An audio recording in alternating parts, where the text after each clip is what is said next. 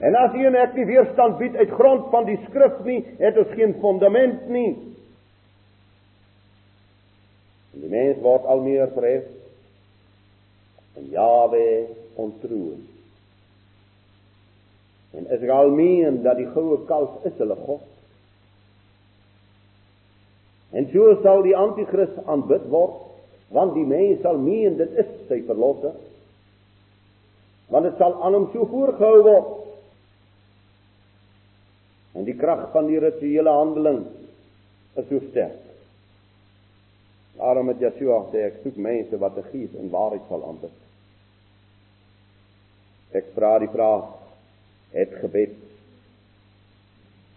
nie maar 'n rituele handeling geword nie. Soek u gebed tog 'n slag in u lewe. Is dit nie maar net 'n rituele handeling nie? Of is daar gees en waarheid en krag in? In u en my gebed. Die feit dat ons God dien en aanbid, is dit 'n aangeleerde mense vrees of is dit 'n innerlike liefdevolle behoefte? Waarom sê Jawe vir Jeremia in Hoofstuk 17?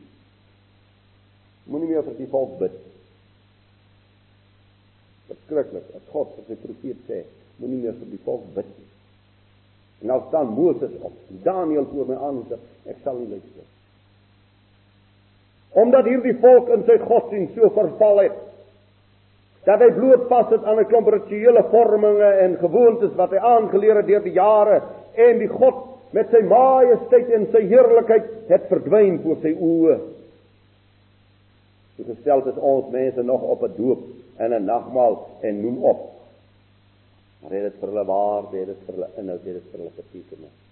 Ek wil vir u sê in weinig se lewe het dit nog werklik krag. Die verskriklike hartseer is die majesteit van ons Vader het weggeraak. En vanmôre is dit in 'n wêreld waarin die Christendom hy vrees hy vrees die dood. Die Christen vrees die dood. Die sogenaamde gelowige vrees die dood. Hy vrees die magte rondom hom. Hy is so bang dat hy sy mond nie kan oopmaak nie. Hy kan nie meer sonde uitspel vir die volk nie. Praat van die teoloog en die leraar op die kansel. Hy is so bang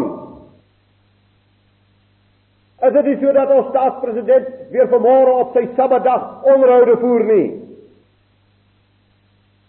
Wie wat die wette van my Skepper verbreek en sy volk daarin voortlei. Wat 'n magtelose toestand is die volk. Omdat hulle die majesteit van Jahwe nie ken nie. En hulle bied ek skiet tog in hulle gryp na wat die wêreld doen. Die beloftes van die regeerders. Die beloftes van die mens. Daarna gryp hulle. Maar dit is omdat dit waar word in die wêreld en waar geword het. Ek lees uit die Afrikaner koerantjie. 'n Mens speel God en hierdie teoloog, luister hoe pragtig skryf hy hierdie dinge. Waarheid nog baie waarheid in sy hart Mens hoop en vertrou dat hierdie nog almal tot die volle helderheid sal kom. Deel van die oppervlakkigheid van ons tyd en van die ver verhorisonie eh, wat is die woord nou verhorisonitalisering van die godsdiens word daarin geopenbaar dat die grens tussen God en mens in baie mense se gedagtes en optrede vervaag en uiteindelik heeltemal uitgewis word om die God bepaalde afstand tussen die almagtige Skepper en sy skepsel tot nul te maak, behels twee dinge: die hoë God moet afgetrek word tot op menslike vlak en terselfdertyd moet die mens in grenslose verwaandheid homself tot God probeer verhef. In die bevrydingsteologie, trouens in die hele sogenaamde social gospel, is veral die neerhaling van God in die persoon van Jesus Christus wat na vore tree. Van sy goddelike natuur kom niks of byna niks terug nie.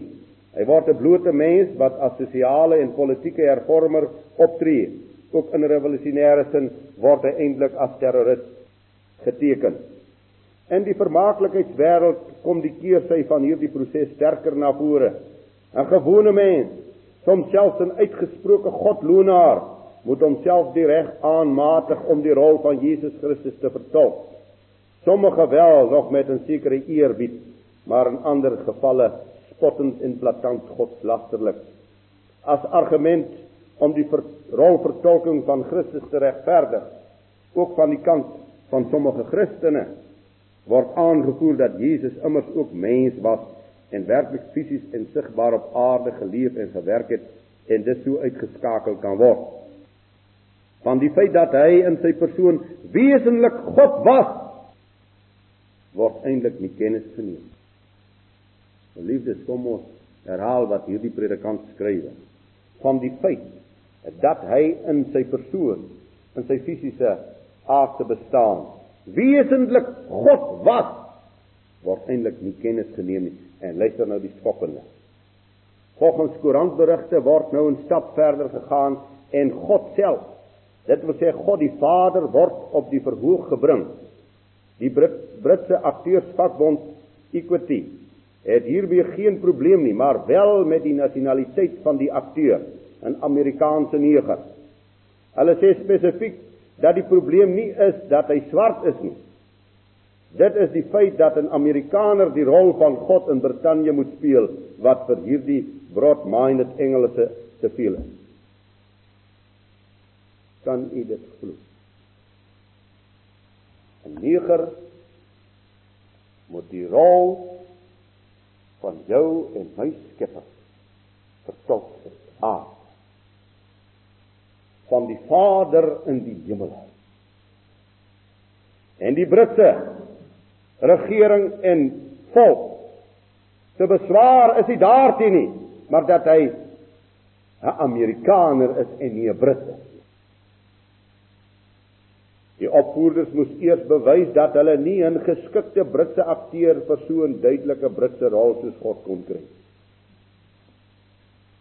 Geliefdes, Dis die skrikwekkende. Die majesteit van Jawe is weggebreek in die hart van die blanke volkere van die aarde. Daar is in ons tyd 'n groot behoefte, ek lees verder, om God weer werklik as God te sien en te ken soos hy hom in sy woord openbaar en nie soos elkeen hom na sy eie smaak wil vervorm nie. daarmee gepaard gaan noodwendig die besef dat enige mens teenoor God slegs in eerbiedsverhouding kan staan. Wie die rolle van God en mens wil omruil, ken nie vir God nie en ken hom ook nie self nie.